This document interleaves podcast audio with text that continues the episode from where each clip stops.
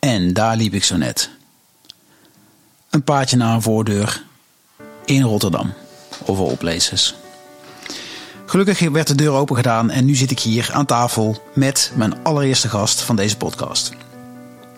De podcast Beter Anders, waarin ik met allerlei mensen in gesprek ga, op zoek naar concrete tips hoe wij als mens beter om kunnen gaan met de aarde of hoe wij als mens beter om kunnen gaan met elkaar. Mijn naam is Ludo Ansems, ik ben de host van deze podcast, initiatiefnemer van Stroomverzenders.nu, maar vooral tot op het bot gedreven om deze wereld beter achter te laten. Daarom ga ik met die mensen in gesprek. En vandaag met Bart Vugers. Bart is expert in het verduurzamen van je huis. Een ontzettend belangrijk onderwerp en het zal alleen maar belangrijker worden de komende tijd. En hij gaat ons concrete tips geven hoe we dat kunnen doen. Het is aan jou en mij om te bepalen welke tips we daarvan willen uitvoeren en in welk tempo. En laat ik dat alvast toezeggen, ik zal straks benoemen welke van de tips ik ga toepassen zodat ik mijn bijdrage lever. En ik hoop en verwacht eigenlijk ook wel dat een behoorlijk aantal luisteraars ook tips zullen gaan uitvoeren, zodat we samen bij kunnen dragen aan die betere wereld. Na de tips is er nog voldoende ruimte om ook de mens Bart uh, te leren kennen. En nou, ik durf wel te beloven dat daar voldoende inspirerende punten voorbij komen. Waarschijnlijk ook over hoe we als mens beter met elkaar om kunnen gaan. Dus mocht je tijd genoeg hebben, dan zou ik je van harte willen uitnodigen om de podcast in zijn geheel te beluisteren. Heb je die tijd niet, dan zou ik zeggen: ga vooral aan de slag met de tip die jou past of de tips die jou passen. Uh, ja, en dan zou ik voor nu zeggen: tijd om met Bart in gesprek te gaan. Geniet ervan en doe wat je kunt.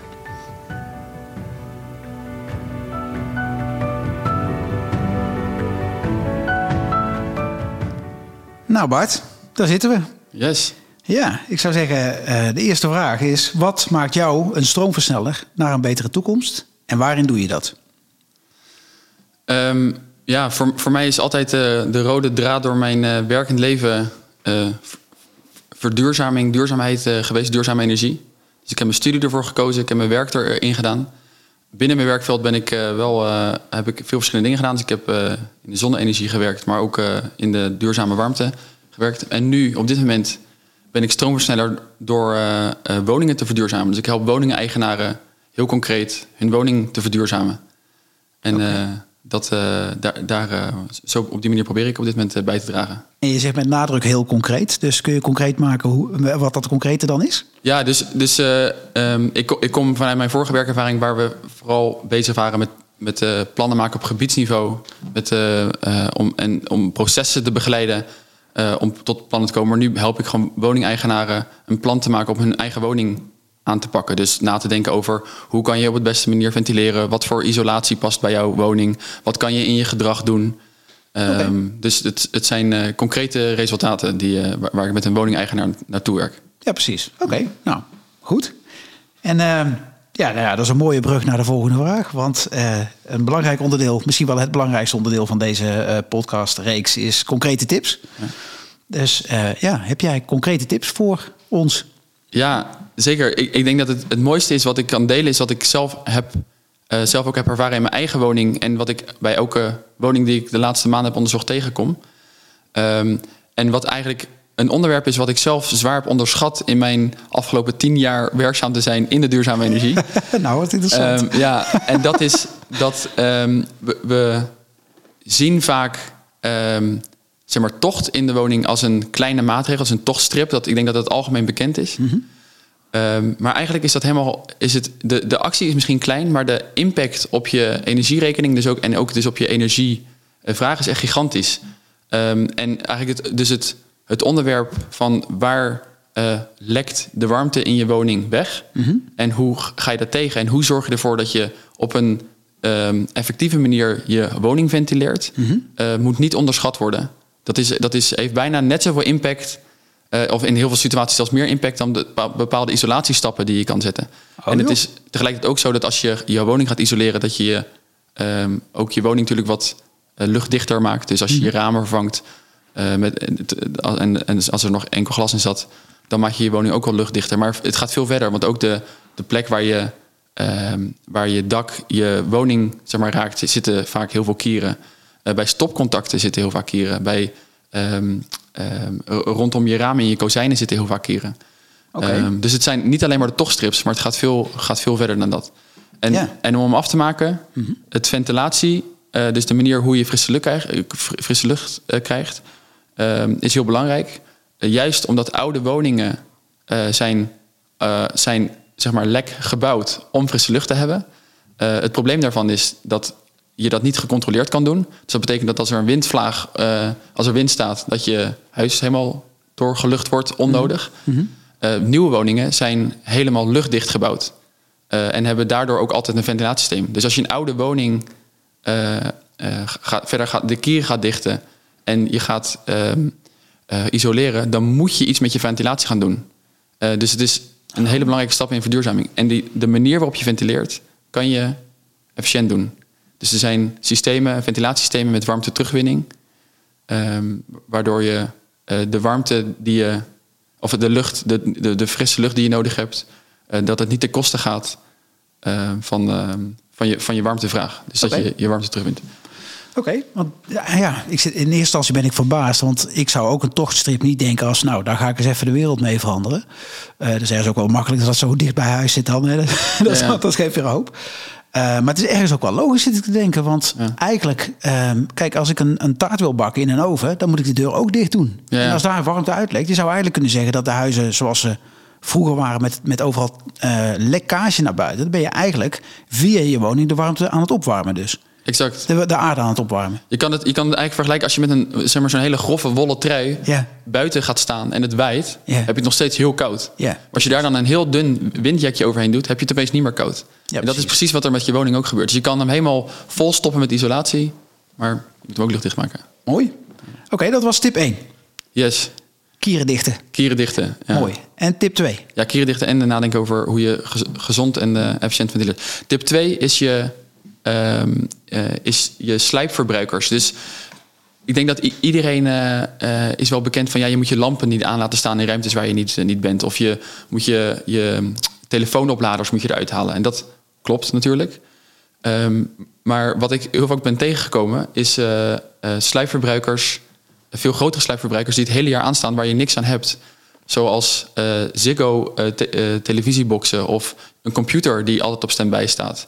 Een pomp, een eh, pomp eh, van een vloerverwarmingssysteem die het hele jaar rond staat te draaien, ook als je niet verwarmt.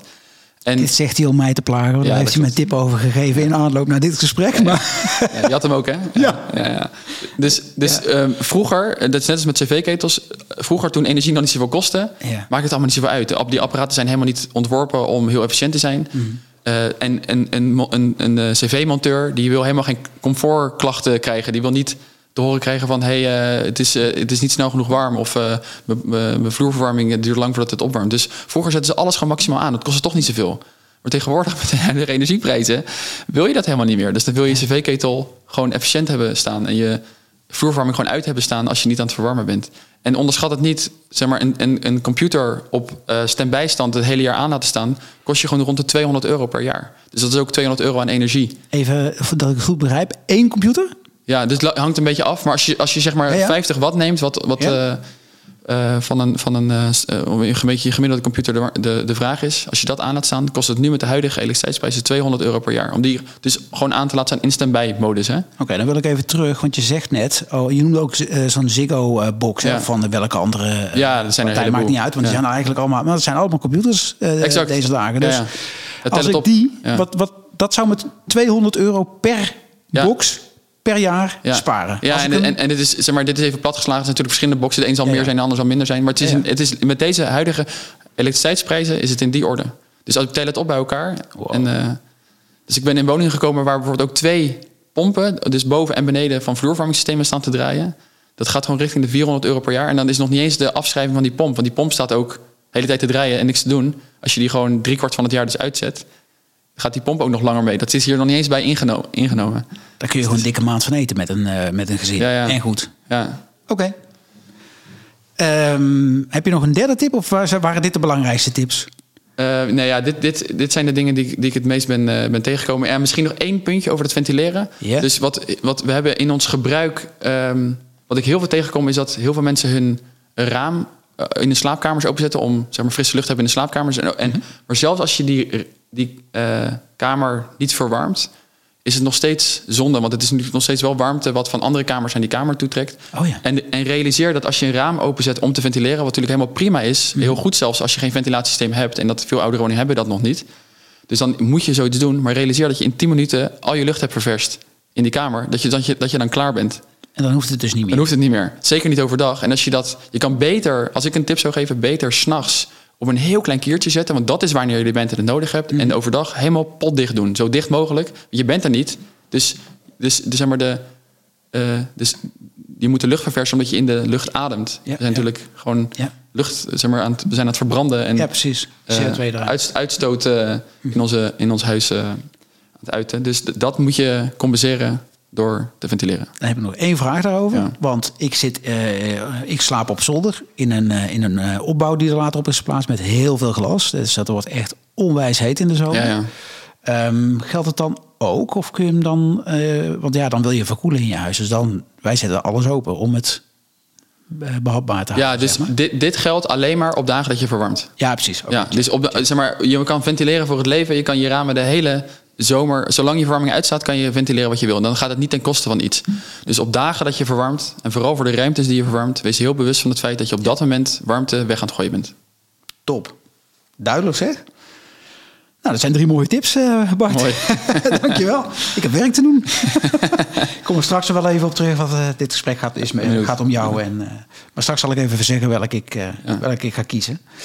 Ehm, ja, nou vertelde je al dat je eh, ja, een paar switches gemaakt hebt. Hè? Eh, je bent op dit moment dus ben je steeds meer op een concreet eh, bewoners helpen, zeg maar. Hè? Ja. Ehm, wanneer kwam het inzicht dat je dit wilde gaan doen?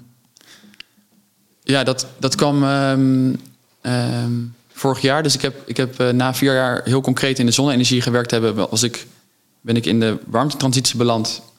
En ja, in vooral procesbegeleidersrollen. En ik heb ook wel bij eh, wat, wat opdrachten gedaan voor warmtebedrijven. En ik was er, ik, ik- het waren pittige projecten die vele jaren duurden. En ik ben zelf een resultaatgericht mens. Dus ik haal mijn voldoening uit als er dan ook iets gebeurt.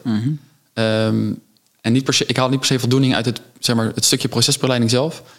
En toen, ehm, vorig jaar, toen eh, dacht ik van... Ik, ik ga me eens meer verdiepen in het verduurzamen van een woning. Gewoon, wat komt daarbij kijken? Ik heb toen het Paris Proof Plan gelezen van de huizenfluisteraars. Google het, dan, eh, dan eh, zie je wat het eh, betekent. Ehm, en ehm, voor mij was dat ehm, inhoudelijk gezien een soort van wake-up call. Dus zeg maar, ik, ben, ik, ben, ik heb een master gedaan in de, in de duurzame energietechniek. ik, heb, ik heb zonnepaneelsystemen ontworpen en gestudeerd. Ik heb in de warmtetransitie jaren gewerkt. Maar opeens besefte ik me hoe ehm, ingewikkeld en simpel het verduurzamen van een, van een woning eigenlijk is. En besefte me dat het gedachtegoed daarvan in de, in de projecten die ik deed niet helemaal terugkwam. Dus dat ik. eh, en eigenlijk de, de, de kern daarvan is waar ik het net ook had in mijn, eh, over had in mijn tips. Is dat we niet altijd eh, in onze warmteprojecten, waar ik bij betrokken ben, maar die ik ook door het land zie, nemen we niet he- helemaal de logica van verduurzamen van woningen mee. En toen dat bij mij landde, en ik zal even een concreet voorbeeld geven, dat was mijn wake-up. Ehm, mijn woning is een goed voorbeeld ervan. eh, maar ik zie het ook in bestaande bouw. Dus als wij warmtenetten gaan uitrollen... of we gaan met warmtepomp aan de slag, wat dan ook. Dus we, we zijn nou heel erg in Nederland bezig met aardgasvrij... en dat woningen van het aardgas af moeten. Maar, maar realiseer dat zo'n warmtepomp... of het nou centraal is met een acrotomie-systeem... of op, op woningniveau, dat dat heel efficiënt werkt... als je warmtevraag heel laag is, als je vermogen laag is... en als je lage temperatuur afgifte hebt... en als je woning daar geschikt voor is. En zolang dat je dat niet geregeld hebt... dan ben je het probleem aan het verschuiven. Dus dan heb je, ik, ik had hem voor een projectje uitgerekend, dan heb je 20% CO2-reductie door een hele nieuwe infrastructuur aan te leggen, een aquatomie-infrastructuur in de wijk. En dan, zijn er, dan heb je twee- 20% CO2-reductie. Maar eh, daar moet je miljoenen voor investeren. Dan moet je hele wijk meekrijgen om van het aardgas af te stappen. Precies. En, en, maar zeg je dan ook dat, want je zegt 20% eh twee keer. Eh, betekent dat ook dat als je aan je huis zelf gaat sleutelen, dat je dan de resterende 80% doet? Of is dat niet wat je bedoelt te zeggen? Nou, wat ik eigenlijk bedoel te zeggen is dat. de- dus voor mij is het veel logischer geworden om. Dus het is voor mij heel moeilijk om het hele landelijke Um, daar zit, zit, mijn expertise ook niet een hele, hele, landelijke koers te wijzigen. Maar voor mij persoonlijk, om, om, om mijn tijd in te stoppen en mijn energie in te stoppen, is het veel logischer om woningen logisch te gaan verduurzamen. En dan te gaan kijken, wat is hier de beste technische oplossing om de, het alternatief voor aardgas uh, te gaan creëren.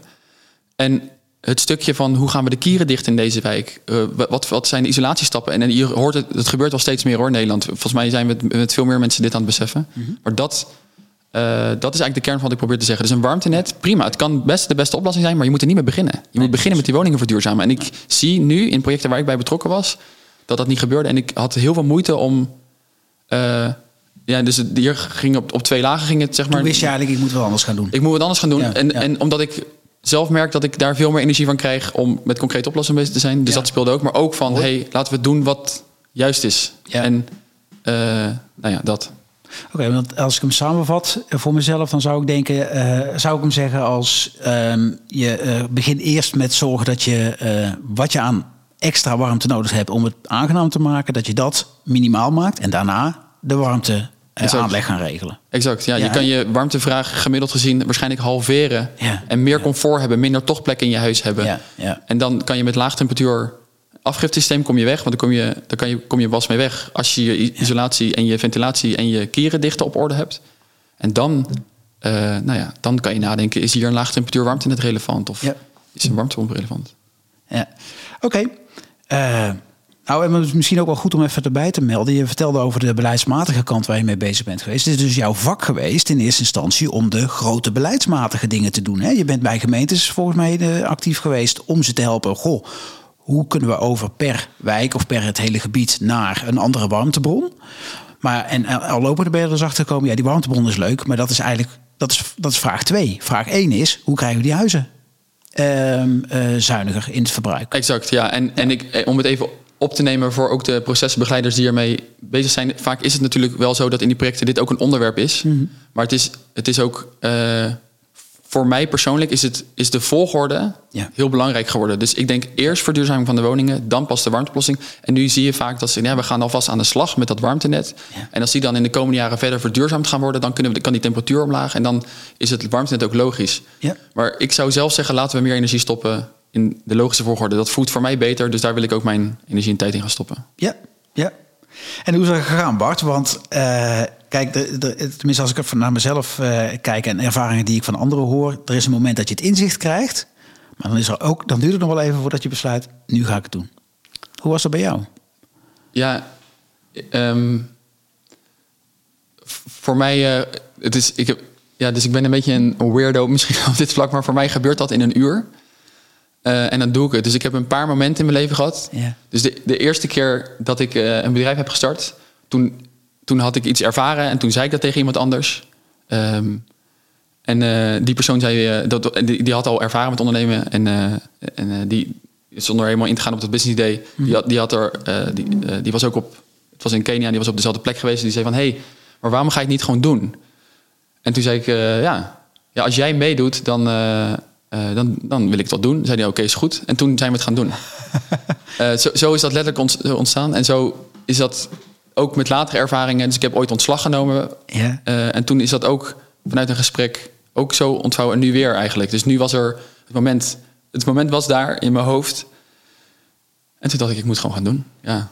Dus toen ben ik het gaan doen. Ik heb er eigenlijk niet zo uh, heel lang over nagedacht. Soms weet je en, het gewoon. En toen ook meteen gestopt dan? Want uh, ja, ik, een vraag was, wat was je grootste angst, zeg maar, om van hè, de, het comfort van waar je, of de relatieve comfort waar je zat, hè, daar deed je je werk, daar wist je, kende je collega's, naar toch weer voor je echt helemaal voor jezelf beginnen. Zat ja. daar ergens een angst die je over moest? Of is eigenlijk wat je net zei van ja, dat verlies ik? Of dat, op het moment dat ik het weet, dan weet ik het?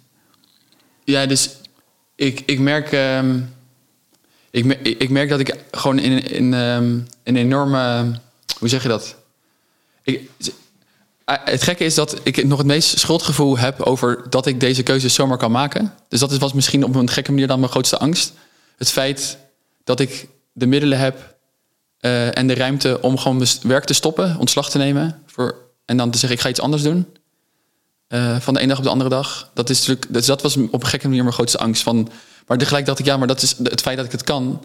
En ook dit doe vanuit een soort van intrinsieke motivatie om, om iets bij te dragen, is ook een reden om het dan natuurlijk te doen. Ja. Maar ik weet niet of het duidelijk is, maar dat, dat was nog mijn grootste reden. Van moet ik. Het ongemak van dat je dat, die, dat comfort hebt. bedoel, Ja, terwijl exact. anderen dat misschien niet hebben. Exact. Er zijn, er zijn zoveel mensen op de wereld die natuurlijk gewoon aan het strijden zijn om überhaupt een inkomen te fixen. En, en het feit dat ik Ja. gewoon mijn roer om kan gooien omdat het beter voelt, het voelt, het voelt onre- onrechtvaardig dat ik dat kan doen. Ja. Nou, dat is misschien wel een mooie, want ehm, eh, dit is niet een vraag die ik had voorbereid. Maar nu je dit vertelt, wij- ik weet dat je in eh, Kenia, dat heb je net ook even kort benoemd. eh, degene die toen zei, ja, ik doe wel mee, die komt straks nog, nog even Oh. langs.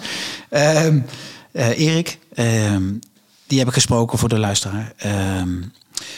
Maar dat was in Kenia en daar ben je Riwik begonnen, als ik het goed zeg. Ja. En eh, dat was in eerste instantie voor windenergie, later Ja. voor zonne-energie. Zeg maar. Ja, maar dan heb je daar dus eigenlijk geleefd midden in een gemeenschap die die luxe minder had voor die keuze.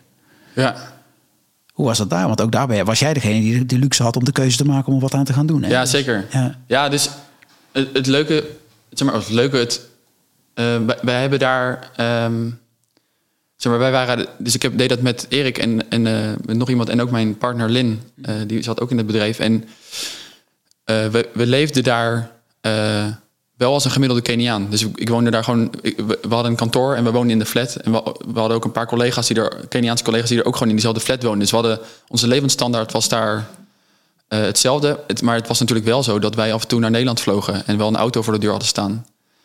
En inderdaad de luxe, hadden om ook die stap terug te zetten.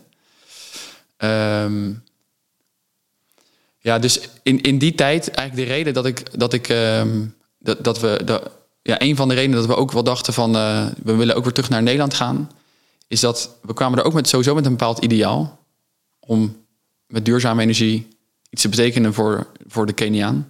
Maar we waren uiteindelijk systemen aan het verkopen aan, eh, aan oud-kolonialen, kolonialen, spreek je dat zo uit? Dus aan, aan, aan, aan Engelse, de White Kenyans noemden ze, en Indiërs die daar op het platteland zaten en die het geld hadden voor de systemen die wij verkochten. Ehm, en ik had ook nog een keer een rekensom gemaakt hoeveel CO2 we uitstoten om twee keer in het jaar in de weer te vliegen naar Nederland. Dat viel ook tegen. Dus toen, toen had ik ook, op dat moment had ik ook het besef hoe super ingewikkeld het is om iets goeds te doen. Ja. Zeg maar, dus we Ja. zaten daar met de juiste intenties en we hebben mooie dingen gedaan. Het, hetgene waar ik het meest trots op ben, is dat we, eh, of het meest blij mee was, dat we daar geen hiërarchisch bedrijf hadden neergezet. Dus dat we een bedrijf hadden waar we met z'n tienen. Ehm, ehm, en, en we hadden daar relatief weinig hiërarchie. Dus iedereen had heel veel invloed op hoe we dat deden, wat totaal niet de cultuur is natuurlijk daar. Ja, ja. Eh, maar dat was gelukt. En hoe reageerde je de... Want dat, ja, dan wordt het nu moeilijk om te zeggen je medewerkers. Hè, maar hoe reageerden dan je collega's, is misschien een beter woord, Ja. daarop? Hè, dat ze in één keer de ruimte kregen waar ze normaal gesproken toch een soort van baas eh, Ja. En, en medewerkerrol hadden. Hoe ging dat? Ja, dus, we- dus ik heb daar hele warme herinneringen aan. En ik heb nu al eens gedacht, dus ook wel met de. Ik heb ook nieuwe. We waren namelijk al gewoon een BV een limited heette, het- heette dat daar. Maar ik heb nu ook ervaring met de coöperaties. Ik heb wel een idee dat kunnen we, hadden we nog beter kunnen doen. Maar ik heb er hele. eh, ja, het voelde gewoon als, eh, als een soort van. Ook een vriendengroep die dat deed. En we, we hadden regelmatig. eh, gingen we met elkaar uit eten. En ik ging ook heel vaak mee naar installaties die we, die we, die we deden. Dan waren we een week met elkaar op pad, weet je wel. Ehm, dus het, de- met dat team wat we hadden, was, dat voelde echt heel warm. En het, het, zeg maar, het voelde voor mij heel veilig. En het voelde, zeg maar, het voelde alsof die veiligheid voor iedereen was. Dat het veilig was om te zeggen wat je wou. Iedereen mocht boos worden. Ik was ook wel eens boos. Weet je, want ging er af en toe gewoon iets mis. Maar iemand anders mocht ook boos worden. Het was een soort van in balans. Krassen op auto's heb ik me laten vertellen. Ja, ja, ja. ja, Vooral dat ze niet verteld werden. ja, ja, dat, er, zijn wel, er gebeurde wel eens wat. Ja. Ja. En, maar dus, en ik liet dat zo snel mogelijk weer los. Ik wou niet de persoon zijn die... de- Maar iedereen moest zich daar zorgen over maken. Ja, precies. En het niet, de- niet, de- Ja. niet alleen ik. Maar nog even terug, want wat wat ik eigenlijk waar ik eh, eh, ook benieuwd naar ben, is hoe reageerden de, die, je collega's, zeg maar, die formeel misschien niet de baas waren, hè, maar Ja. het was toch een BV, zoals je zegt. Ehm, waren die daarin, moesten ze daar even aan ontwennen of zo? Hoe is dat gegaan? Want ze waren, zij kwamen waarschijnlijk allemaal uit systemen hè, of, of bedrijven waar Ja, ja. wel hiërarchie was. En in Ja. één keer is Bart gewoon degene die aan dezelfde tafel eet en in hetzelfde eh, appartementencomplex woont, in plaats van op een los compound of zo. Ja, dus... ehm, ja, dat is een goede vraag. Het is eigenlijk moeilijk voor mij om dat te zeggen, omdat ik er zo middenin zat. Ik, voor mijn idee was het voor hen ook heel normaal. Eh, heel snel heel normaal. En op het begin we- zeg maar, zeker voor wat nieuwe mensen die er later kwamen, niet iedereen paste ook bij ons. Dus sommige mensen gingen, die praten heel erg tegen mij alsof ik dan de directeur was en ding, besluiten moest nemen. Maar ik werd er heel Ongemakkelijk. ongemakkelijk van. Want ik dacht, weet ik veel, hoe kan ik nou voor jou een besluit nemen? Laten we dat met elkaar maken. Dus het zat ook, het zit niet in mijn natuur om directeur te zijn. En ook niet om voor een, directeur te werken, heb ik ontdekt. Ja. maar, ehm, ehm, dus voor mij was het heel normaal. En dat was af en toe wel wennen. En soms werd er natuurlijk mis, zeg maar, werd het misbruik van gemaakt. En dan moest je toch met elkaar, en soms ook ik, Ja. eh, ingrijpen. Of Ja. eh, ja, er moest ook af en toe iemand ontslaan. En er was gewoon ook een keer iemand die eh een hele tijd niet kon opdagen op werk. En, en dus je, af en toe word je in die rol gedrukt. Dus het was af en toe wel zoeken. Dit was niet per se makkelijk. Maar ik denk, als ik erop terugkijk, heb ik er wa- warme gevoelens aan overgehouden. En volgens mij de, de kern van de, de groep eh, met wie we dit hebben opgebouwd ook. Bestaat het bedrijf eigenlijk nog? Ja, het is overgenomen. Overgenomen. Dus eigenlijk is het opgegaan in een, in een groter bedrijf. Oké. Mooi hoor. En eh, nou even terug naar je werk wat je nu doet. Ehm, je bent er eh, eh, nou, recent mee begonnen. Ehm, wat is je doel? Wat hoop je te bereiken? Ehm, mijn doel is vooral heel veel, zeg maar, heel veel duurzame woningen te, te helpen bij heel veel meer duurzame woningen. Ja. Op logisch, en die op een logische manier verduurzaamd worden. Oké. Dus eh, misschien met een warmtenet, maar misschien ook wel niet. Ja, ja, precies. Ja. Of zodanig dat we überhaupt geen verwarming meer nodig hebben. ja, ja, dat zou wel mooi zijn. Oké, en eh, ja, dan ga ik het toch vragen, want ja, het is de Beter Anders podcast, mede door eh, vanuit stroomversnellers.nu. Hoe kun je daarin versnellen?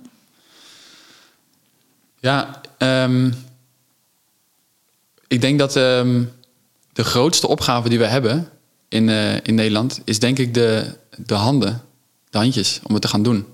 Oké, Dus, ehm, en ik merk dat nu al, en dat, en dat, ehm, dat daagt me ook wel uit om zelf. ehm, dus ik doe dit werk nu ook eh, omdat ik ook de behoefte zie om, eh, zeg maar, voor woningverduurzamers, voor plannenmakers. Maar in de uitvoering gaat het zo meteen echt mis. Eh, of tenminste mis, daar, daar is, Daar ligt het grootste gat. Ja, precies.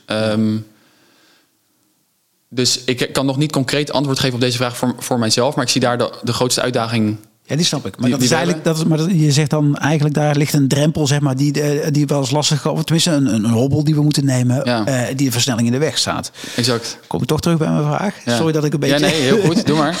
Ja. maar ik wil wel gewoon het antwoord weten. Of ik ben gewoon benieuwd. En als het antwoord is, ik weet het nog niet, dat is het ook prima. Hè? Maar eh, hoe kun je daarin versnellen? Zie, heb je ideeën hoe je dat zou kunnen doen? Ja, dus, dus, ik ga, hem- dus als ik vanuit mezelf beredeneerd Ja. met dit eh, waar te nemen, ehm, geloof ik eh, dat ik, wat ik zelf voor me zie in de komende jaren, is dat ik toch dat ik snel concepten vind die eh, standaard concepten vind die herhaald kunnen worden van woning naar woning. Ja, Ehm, en dat ik ook wat in de uitvoering ga betekenen. Dus dat ik toch nu van, zeg maar, ik ben, toch ben ik begonnen als adviseur. Mhm. Eh, maar dat ik, dat ik gewoon toch meer richting de installateur ga zijn. Ik vind dat stiekem ook natuurlijk met mijn ervaring in Kenia met de zonnepaneelsysteem het leukst. Maar dat is, dat was, daar, heb ik, daar droomde ik eigenlijk vorig jaar over. Maar dat is, was nu een te grote stap om dat te doen.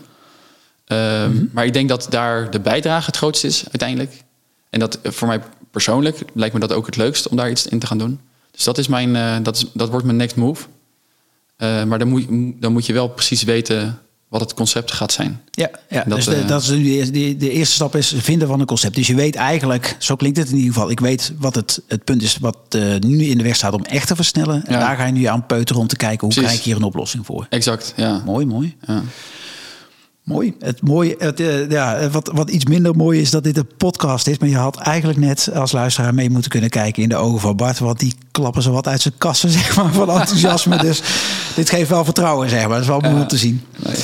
Hey Bart, ehm, ehm, ik heb natuurlijk ook eh, wat voorwerk gedaan. Eh, tussendoor hoorde je net al, zei ik net al een paar keer dat ik wat mensen gesproken heb. Ehm, maar ik heb ook naar je eh, eh, werkervaring hiervoor gekeken. En het grappige is, eh, dan zie je dat je in je opleiding in eerste instantie best wel veel aan de techniekkant hebt gezeten. Ja. Eh, maar dat er ook hele andere dingen voorbij komen. En nou, ja, iemand die daar wel een mooie vraag bij had, vond ik, was jouw vrouw. Dus die ga ik nu even eh tevoorschijn toveren uit dit mooie apparaat. Dus eh, zit je er klaar voor? Ja, moet, ik, moet ik mijn stoel beter stevig vast gaan houden? Ja, dat lijkt me wel verstandig, inderdaad. Neem nog maar een slok koffie. ja, ja. Hier komt ie. 3, 2, 1 en... die ik Bart zou willen stellen is als je terug zou kunnen gaan in het verleden en iets één ding anders had eh, kunnen doen of een andere keuze had kunnen maken, ehm, wat zou het dan geweest zijn en waarom? Ja.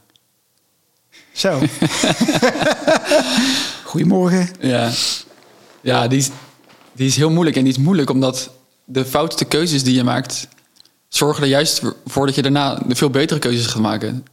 Ehm, dus ehm, zeg maar, de, de, de, keuze die ik, waarvan ik wel spijt heb... Uh, of misschien wel twee dingen. Eén is dat ik uh, naar de universiteit ben gegaan. Mm -hmm. Oh. Uh, en twee is dat ik in de, in de warmtetransitie als adviseur aan de slag ben gegaan. En hoe zou je het anders willen doen dan? veel, veel praktische opleiding gaan doen. La, laatst sprak ik iemand en die zei van... voor de problemen die we hebben...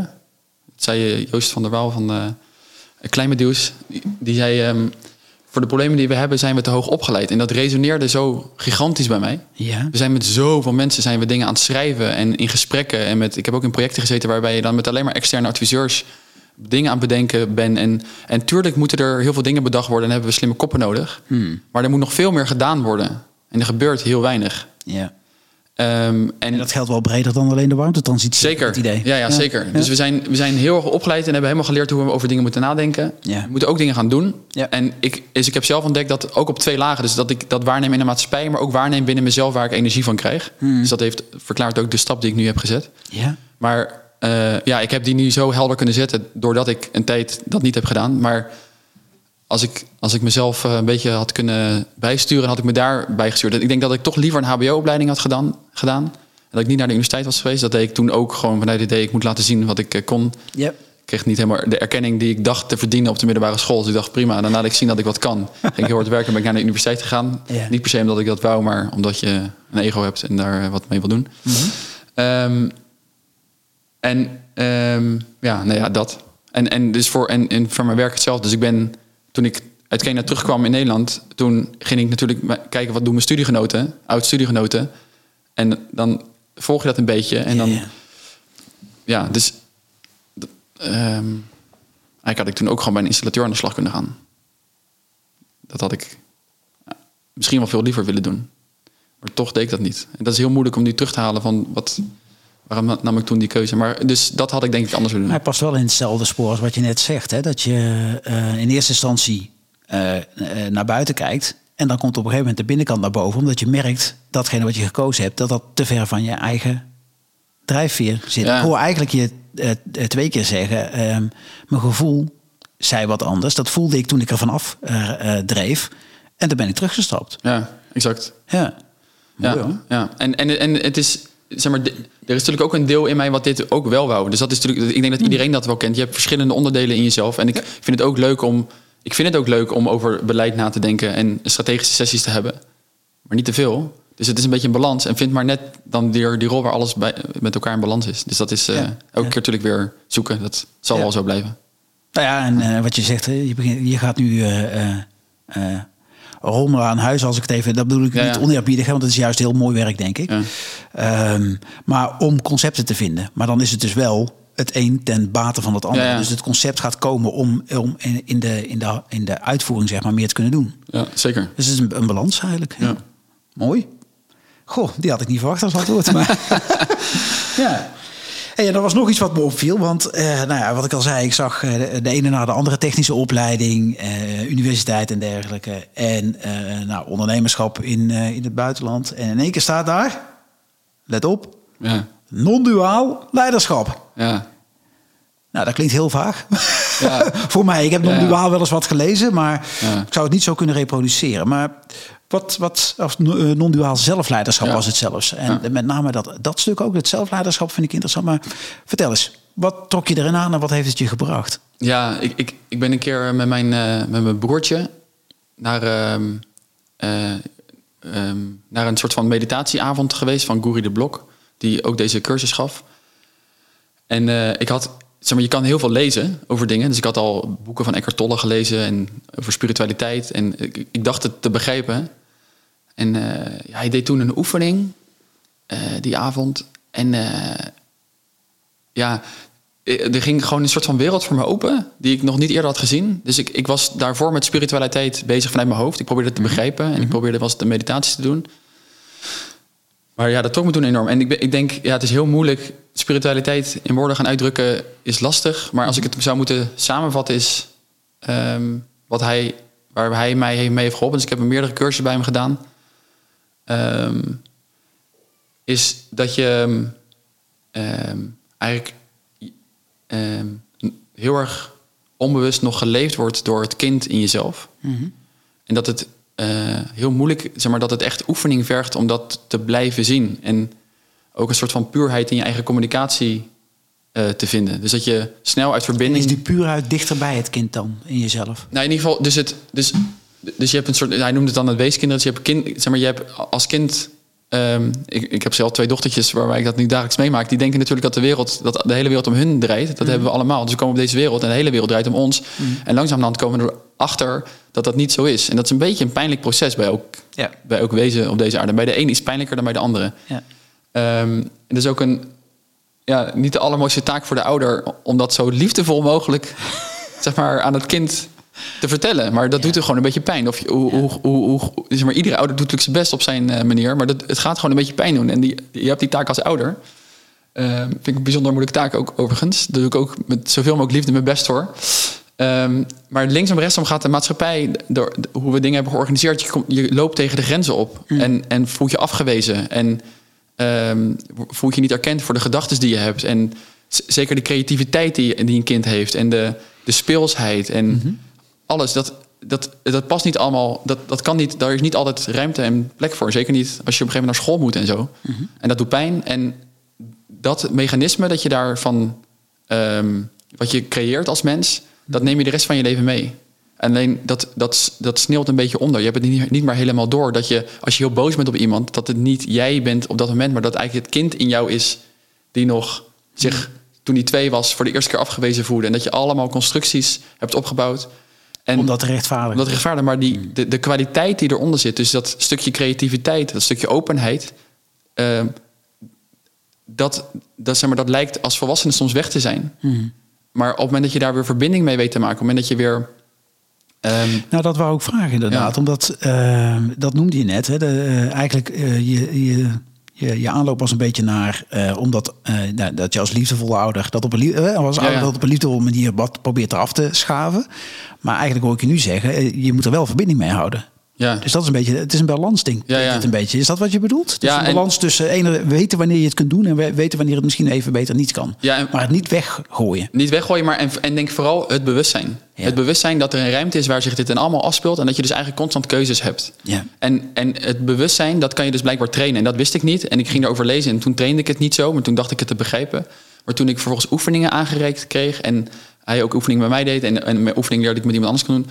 toen opende zich een wereld voor mij. En toen heb ik weer contact gemaakt met iets in mezelf... Ja. wat ik niet meer... zeg maar, ik was het kwijt. Ja, ik, Ja. ik was het kwijt. Tenminste, Ja. ik maakte er geen contact meer mee. En ik was me, werd me daar bewust van door bepaalde oefeningen. Dus Ja. ik heb er ook weer een stukje, zeg maar, soort van, eigenlijk de, de, een soort van de liefde, die openheid en speelsheid die je als kind ervaart. Die en die er dan is, die, die is er dan weer. Die- Ja. daar kan je, je weet dat, eigenlijk weet je weer dat het er is. Misschien is dat wel de essentie. Je weet dat het er altijd is, maar som- je, je maakt daar geen contact mee. Ja. Ja. Hey, en want je zei dat was met een oefening, dat was met een soort meditatieoefening of Ja. iets anders. Oké. Ja. oké.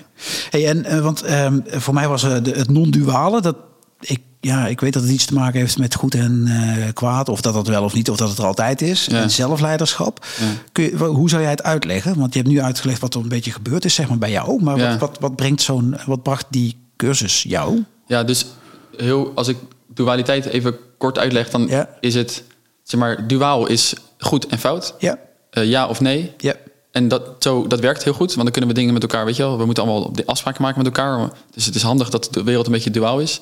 Maar hier is weer hetzelfde natuurlijk waar. Het sneeuwt, er- het sneeuwt iets anders eh, onder. Eh, dus het non-duale is het besef dat alles met elkaar verbonden is. We zijn één met elkaar en dat kan je ook ervaren. En dus ook weer met, zeg maar, als je eh, je daaraan overgeeft. Dus dat heb ik, wat ik, wat, wat ik daarvan heb meegenomen, is dat als je een taal weet te vinden met elkaar. En die, deze vind ik heel moeilijk. Mijn grootste zoektocht is om die spiritualiteit meenemen, mee te nemen in mijn leven. Want als je een taal weet te vinden met elkaar waarbij je eh, weer eh, contact kan maken met het non-duale. Weet dat je verbonden bent met elkaar, dat er liefde is en dat, je, dat we allemaal ons best doen. en dat is moeilijk in deze wereld. Kijk Ja. wat er nu allemaal gebeurt. Het is heel moeilijk om liefdevol te blijven kijken naar de wereld. Ja. Eh, en weten dat iedereen de beste intenties heeft. Kijk wat we met elkaar. Nou, kijk terug wat er gebeurd is in de wereld. Maar kijk wat we nu ook al met z'n allen aan het doen zijn. Dan is het moeilijk om de, in- zeg maar, te beseffen dat iedereen wel positieve intenties heeft. Ja. Ehm, ehm, maar ehm, ja, dus mijn, mijn, ook mijn zoektocht nog steeds. Want ik merk dat ik dat het wat mij gebracht heeft, is dat ik heel veel weer een soort van liefde en openheid en creativiteit in met, mezelf heb gevonden. En mijn zoektocht is om dat ook bijvoorbeeld mee te nemen naar werk. Ja. Mee te nemen naar eh, ook Klanten naar? Ja, naar klanten en naar, naar de mensen die ik ken. En, de, en eh, ik heb wel ook ontdekt dat het moet, het moet wel van twee kanten komen. Ik, kan- ik kan het niet in mijn eentje. Nee. Dus dat is wel, eh, Nee. ehm, dat is wel een belangrijk besef. Dat zijn de moeilijkste, denk ik. Hè? Tenminste, als, ja. Ja. Dus je, Op het moment dat je merkt dat het niet van twee kanten komt, om, hoe lang blijf je proberen om Exact, het, om het ja. toch die brug te slaan, zeg. ja, en je kan ook natuurlijk gewoon accepteren dat iemand helemaal anders is. Ja. Ja, ja. Mooi. En zelfleiderschap, dat was ook een eentje. Eh, Zelfleiderschap, eh, er wordt vaak gezegd, ja, de leider. Hè. We, Ja. nou, en of dat dan, laten we de goede voorbeelden, nou ja, dat weet ik eigenlijk niet eens meer wat de goede voor- voorbeelden zijn. Maar ehm, laten we alle voorbeelden die er zijn geweest. Hè. We hebben hele goede leiders gehad, hele slechte leiders, maar altijd toch wel wat meer vanuit de hiërarchie. Zelfleiderschap klinkt als iets compleet anders, klopt dat? Ja, ja, dat klopt. Ja. Dus dit, het zelfleiderschap gaat heel erg over eh, het, de, zeg maar, de controle. Ik weet niet of dat, dat is eigenlijk helemaal niet het juiste woord. Maar ik, ik denk dat het beste woord is de bewustwording van alles wat, je, wat zich in jezelf afspeelt. En ik- wat ik dus zelf heb ontdekt is dat op het moment dat je ook gewoon... Dus op het moment dat je meer dingen in jezelf gaat zien... je andere keuzes gaat maken in het leven. En zie je daarmee dan ook wat makkelijker als je iemand anders eh, iets ziet doen waarvan je denkt in het duale gedachtegoed, het is goed of het is slecht. Dat je gaat denken, oké, maar laat ik het niet meteen veroordelen, maar gewoon eens gaan Exact. verkennen. Ja, ja, exact. Ja. Oké, dus eigenlijk omdat je meer eh, eh, openheid in jezelf hebt, kun je makkelijker openheid naar een ander brengen. Is dat eh, Zeker, ja. Oké. Oké. ja, dat is zeker een van de aspecten, ja. En het zelfleiderschap zit er dan in dat je dus wat minder snel ontvoerd wordt door oordelen of zo. Precies. En dat je ook dat oordeel. Je- want dat, is, dat wordt natuurlijk een, een nieuwe uitdaging. Dat je denkt, oh, ik mag niet meer oordelen. Ja, precies. Ja, Maar Ja, dat is het ook niet. oordeel. Je mag niet oordelen. Ja, ja, dus dan krijg je zo. En dan ga je daar een oordeel over hebben naar jezelf. Weet je wel? Dus dan je raakt in zo'n spiraal terecht waar je niet meer uitkomt. Dus het gaat er niet meer om dat dingen er niet meer mogen zijn. Maar het gaat erom dat je bewust wordt dat dit zich allemaal afspeelt in de ruimte. En dat dat er ook mag zijn. Ja. En dat je, maar dat je dus keuzes krijgt van waar ga ik op handelen. En dat is er en dat is er. En nee, ik herkan dat en dat komt daar vandaan. En dan, dan, het, het, wordt, het wordt allemaal onderdeel van het geheel. Ja. Nou hebben wij ooit, dat is misschien ook wel een leuke ontboezeming, maar wij hebben elkaar leren kennen omdat ik gesolliciteerd had bij warmteregisseurs, waar je nu net, eh, nou ja, eh, wat je achter je hebt gelaten. Ja. Eh, en daar noemde jij, en dat is me, tot, nou, dat weet je, want ik heb je nog een paar keer gevraagd, hoe was het ook alweer? Ik ben Ja. niet zo goed in woorden onthouden soms. Liefde mensen, die had ik wel onthouden, en waarheid mensen. En ik weet nog, want ik heb nu opgeschreven, dat helpt me. Eh, maar ik weet nog dat, eh, of wat me opvalt net in, in het gesprek, is dat je de, de term ook eh, liefde een paar keer terugkomt in je, hè, in je ouderschap en hoe je met anderen omgaat. Maar is dat ook wat hieruit voortkomt? Ja. Oké. ja, en deze kapstok, dus liefde versus waarheid. Ja. Ehm, dus dit kan je, dit, dat is dus ook iets duaals. Ja. Dus we, dus we hebben allemaal een liefdesmens en een waarheidsmens on- in ons. Dus een liefdesmens die kiest, die vindt de harmonie belangrijker dan zijn eigen waarheid. Dus die zal in een conflict eerder naar de, naar de waarheid van de ander gaan Oh, om de verbinding zeg maar, in stand te houden. En de waarheidsmens zal eh, ten koste van de verbinding zijn eigen waarheid waar laten zijn.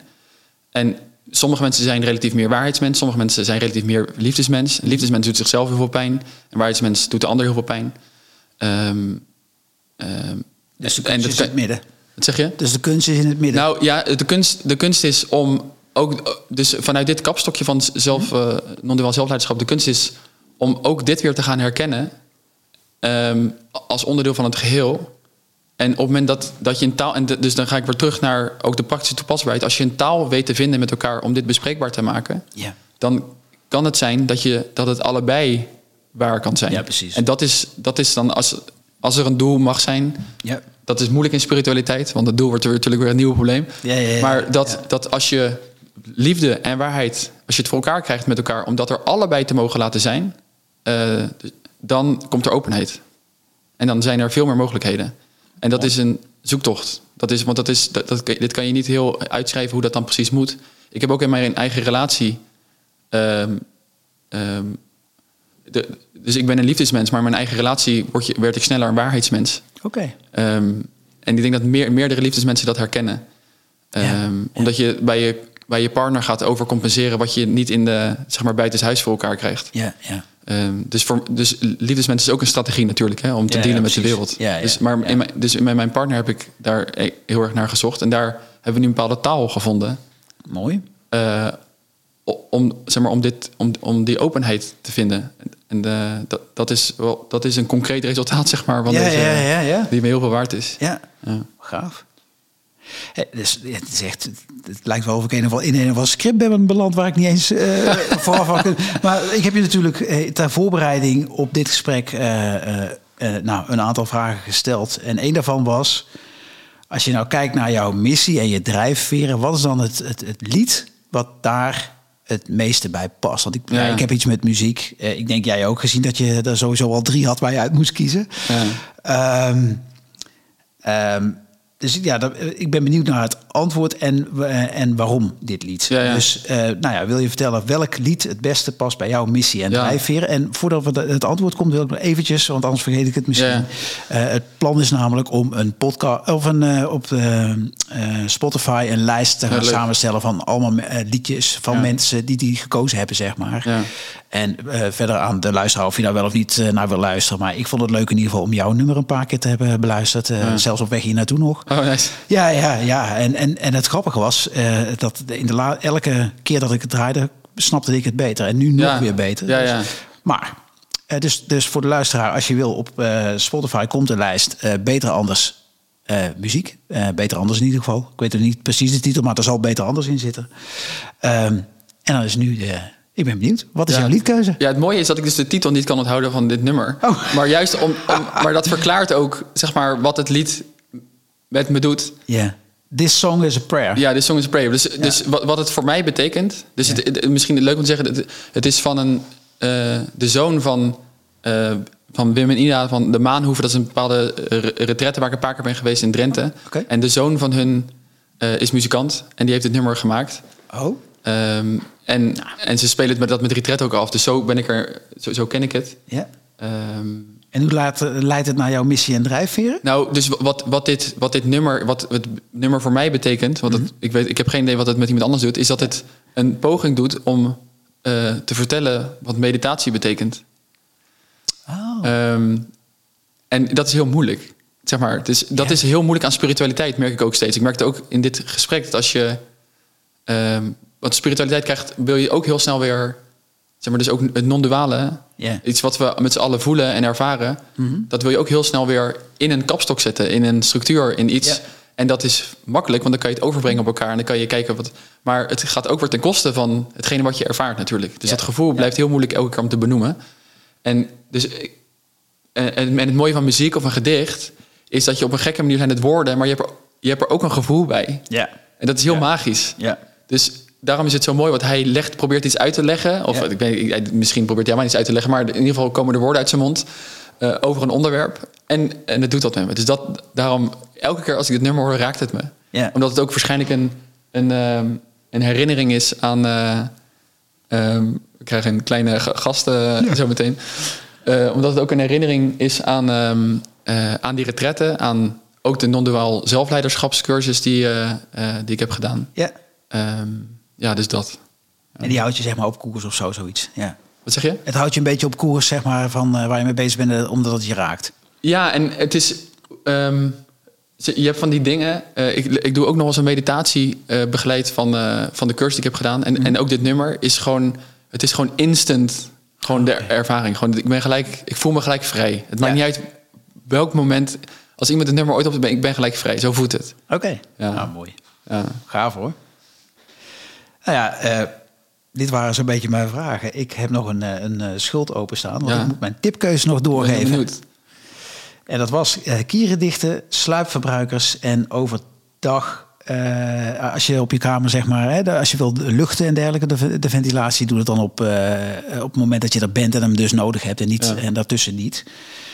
Nou ben ik zelf nogal van, eh, ehm, ik wil maximaal effect hebben van wat ik doe. Dus ja, dan is er maar één keuze, begrijp ik. Dat is kieren dichten. En nou, ik heb jou al wat foto's gestuurd rondom de kozijnen in mijn toch niet zo heel oude huis.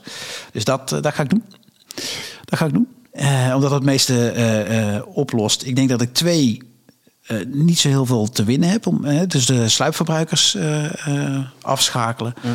Ehm, maar die eerste kierendichter ga ik zeker doen. En uh, ook dat ventileren op de goede momenten. Ja, ja die ga ik zeker oppakken. Mooi, ja. heel leuk.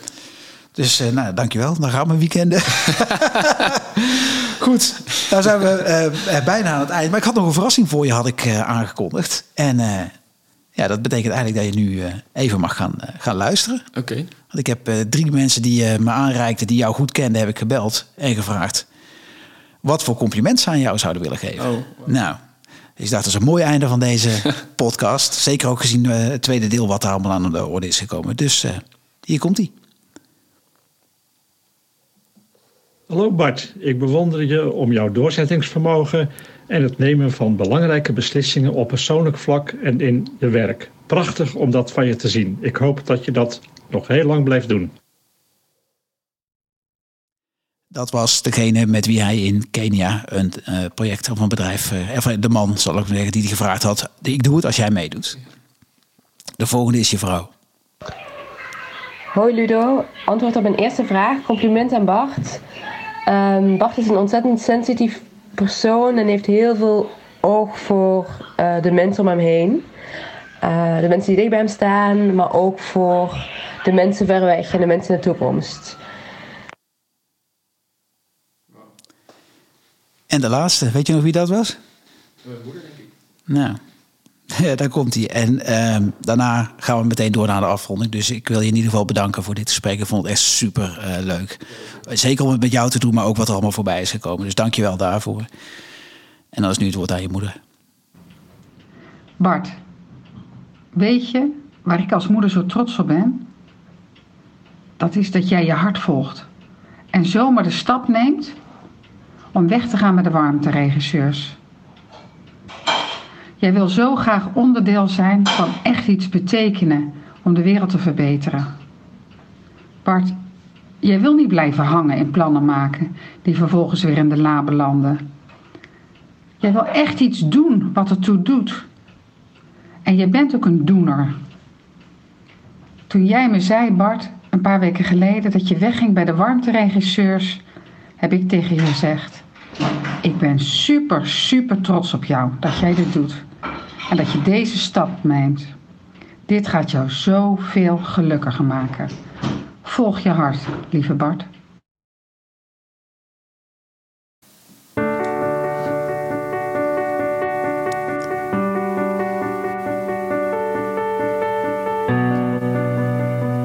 Ja, en daarmee zit de allereerste aflevering van de Beter Anders podcast erop.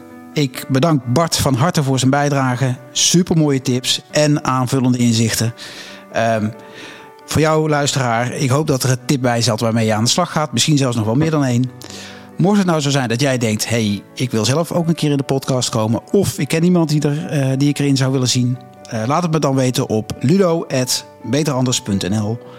En als je andere vragen hebt aan mij of aan Bart, kun je bij hetzelfde mailadres terecht. Dat was hem. Fijne dag.